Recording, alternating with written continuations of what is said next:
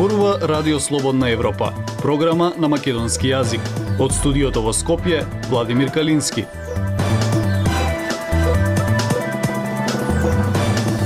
Почитувани следите емисијата на Радио Слободна Европа. Владата ја замрзна цената на лебот на 33 денари и ја укина субвенционираната струја за компаниите. Просечно висока е заканата од терористички напади во Македонија, наведува Американскиот Стейт Департмент. За младите најатрактивни се дигиталните професии. Слушајте не. Независни вести и анализи за иднината на Македонија на Радио Слободна Европа и слободнаевропа.мк. Владата ја замрзна цената на белиот и полубелиот леп на максимум 33 денари. Донесена е и одлука да се укине повластената струја за компаниите од прехранбената индустрија. Анализите покажале дека иако имале повластена струја, компаниите не ја намалиле цената на лебот. Мелничарите се заканија дека ќе го прекинат производството. Одлуките за лебот и укинувањето на повластената струја ги соопшти премиерот Димитар Ковачевски на заедничка пресконференција со министерот за економија Крешник Бектеши. По извршените проверки од Државниот пазарен инспекторат, иако производителите на основните прехранбени производи добиваа субвенционирана електрична енергија, истите цените на своите производи не ги намалија или ги намалија незначително рече премиерот Ковачевски. Мелничарите вчера се заканија дека ако се замрзне цената на лебот, тие ќе го прекинат производството. Министерот за економија Крешник Бектеши ги повика пекарите на разговор за да се најде соодветно решение.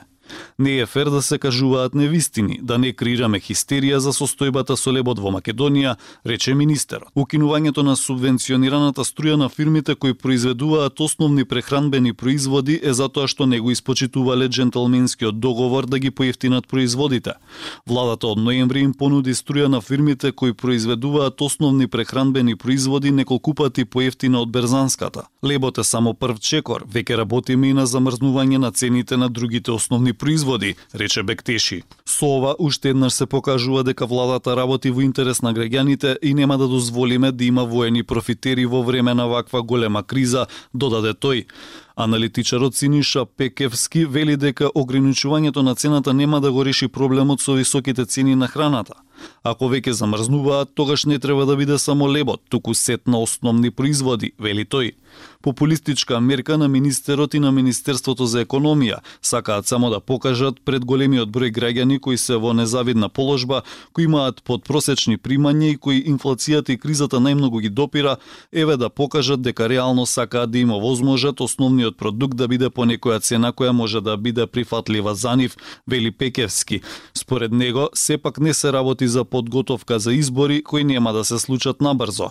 Групацијата на пекарската индустрија во Стопанската комора на Македонија реагираше дека ако владата донесе одлука за замрзнување на цените, тие веќе нема да произведуваат леп затоа што ќе работат со загуба.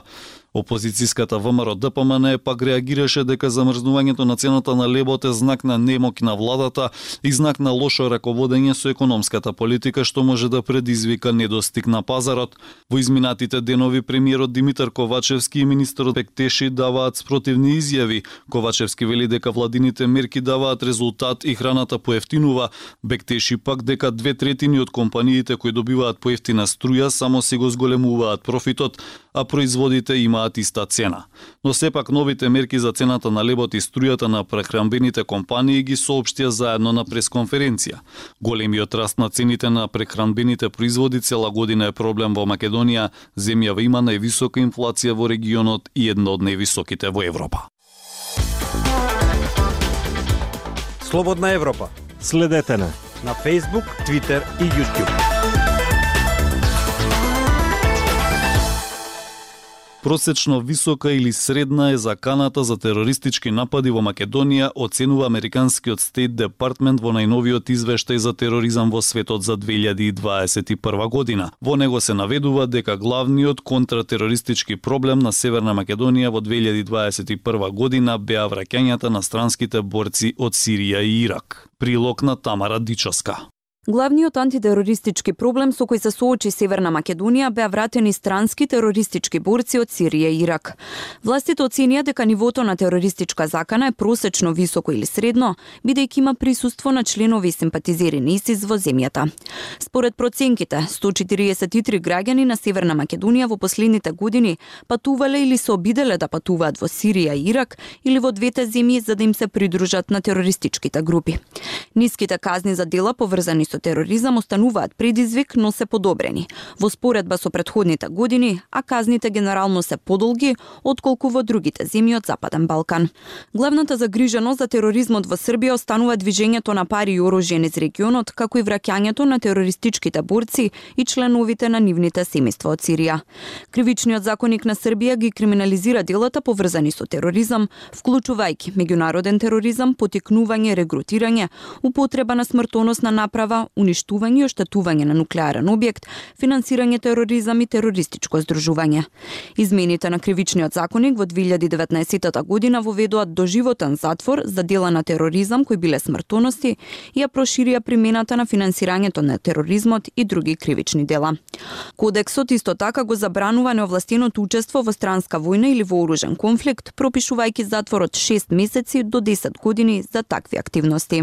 Албанија според Стейт Департментот вложила меѓународни напори за борба против тероризмот, враќајќи 19 свои граѓани од камповите за раселени лица во Сирија и се ангажираше во процесот на нивна реинтеграција и рехабилитација. Терористичката закана во Албанија се состои од заканите на странските терористички организации да ја радикализираат албанската младина на насилство, како и државните активности на Иран, кои се насочени кон нивната опозицијска група Муджахедин Е Калек, чии членови се преселиле во Албанија. Законите за антитероризам на Албанија ги криминализираат терористичките акти. Незаконски е да се приклучите на терористичка организација, да добивате обука поврзано со тероризам, да обезбедите материјална поддршка на терористичка организација, да патувате или да имате намера да патувате за да се борите во име на терористичка организација или да учествувате во странска армија. Босна и Херцеговина остана кооперативен партнер во борбата против тероризмот, иако нејзиниот капацитет останува ограничен и е постигнат мал напредок во правните и регулаторни реформи поради таковната политичка криза. Насилната екстремистичка идеологија и насилните регионални националистички групи остануваат потенцијални извори на тероризам во Босна и Херцеговина. Во 2021 година политичката криза во земјата донесе невидена реторика на поделби од страна на етнонационалистичките политички лидери во земјата.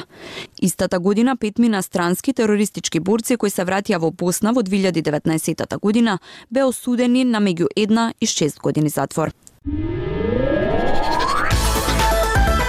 Радио Слободна Европа, светот на Македонија.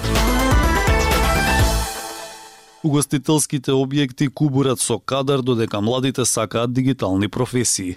Младите треба да се насочат кон професиите на иднината, но и да се тргне стигмата дека постојат повеќе важни и неважни професии, велат од Институтот за добро управување и евроатлански перспективи.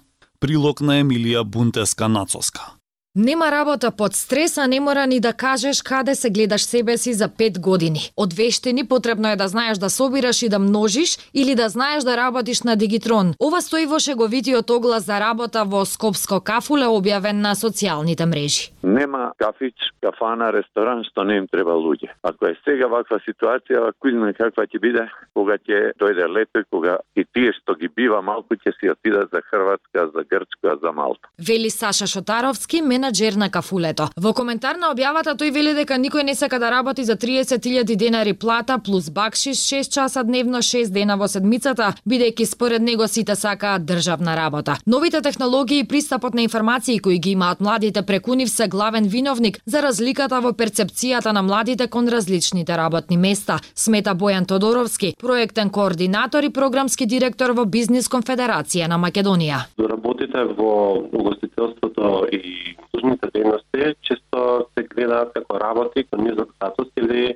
онакви работни места за неквалификуван кадар. Вели Тодоровски, а како екстремно демотивирачко за младите кои бараат кариерен пат, Тодоровски го истакнува и недостатокот на можности за напредок, кои како што вели во многу угостителски услужни дејности се ограничени. Треба да се работи на подигнување на свеста за потребата од кадар во другите професии, смета тој и додава дека потребни се кампањи за стручните работни места да станат попривлечни за младите, бидејќи како што вели, не кубурат само услужните дејности, па ќе дојде време кога ќе немаме кој да ни поправи нешто дома, бидејќи младите многу помалку познаваат такви работи. Најголем број на слободни работни места се токму во услужната дејност и продажба која се карактеризира со ниски плати, несигурно вработување, неизвестност, нефлексибилност, отсуство на формално работно место, неволно привремено вработување и вработување на скратено работно време, што се коси со концептот на пристојна работа. Ова е еден од клучните наоди во извештајот на Институтот за добро управување и евроатлански перспективи ИДУЕП. Тие од март до декември 2022 година го спроведува проектот Што сакаат младите, професиите на иднината бараат знаење и вештини денес. Најатрактивни се професиите во кои се користат напредни технологии во кои не се бара толку физичка работа, како тестери за осигурување на квалитет, програмери, графички дизајнери, а има голем интерес и за дигиталниот маркетинг, вели програмскиот директор во Бизнис конфедерација на Македонија Тодоровски. Од ИДУЕ пак вела дека професиите кои се базирани на IT се професии на иднината,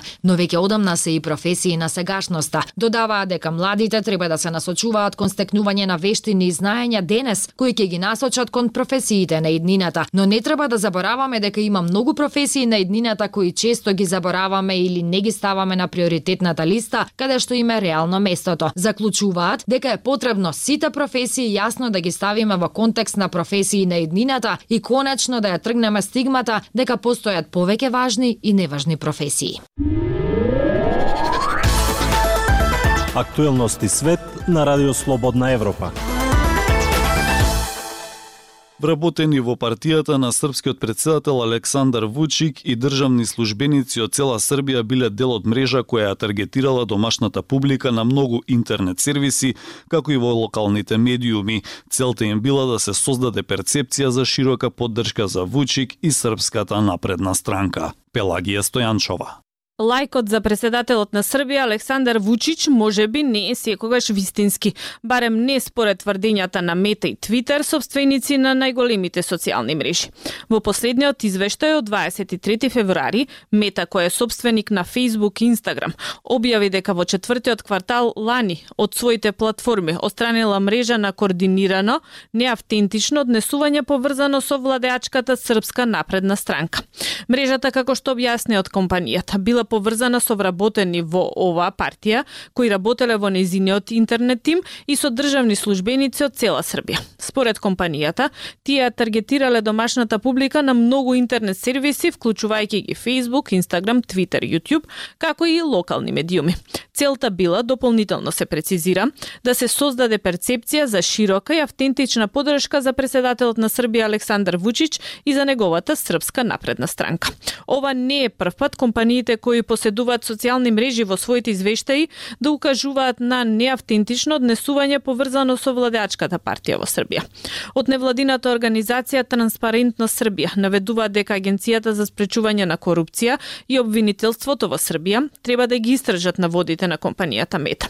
До објавување на текстот на Радио Слободна Европа нема добиено одговор од агенцијата дали е покрината никаква постапка. Програмскиот директор на Транспарентно Србија Немања Ненадич за Радио Слободна Европа објаснува дека ботувањето на социјалните мрежи и интернет порталите не е забрането според законите во Србија. Меѓутоа, спорно е дали трошоците за ваквите активности се пријавени во Агенцијата за спречување на корупција, како што предвидува Законот за финансирање на политички дејности. Вториот поголем проблем според него е поврзан со тоа што компанијата Мета во своите извештаи навела дека за оваа работа биле ангажирани некои државни службеници. Тоа е многу поголем проблем и сосема јасно забрането со нашиот закон.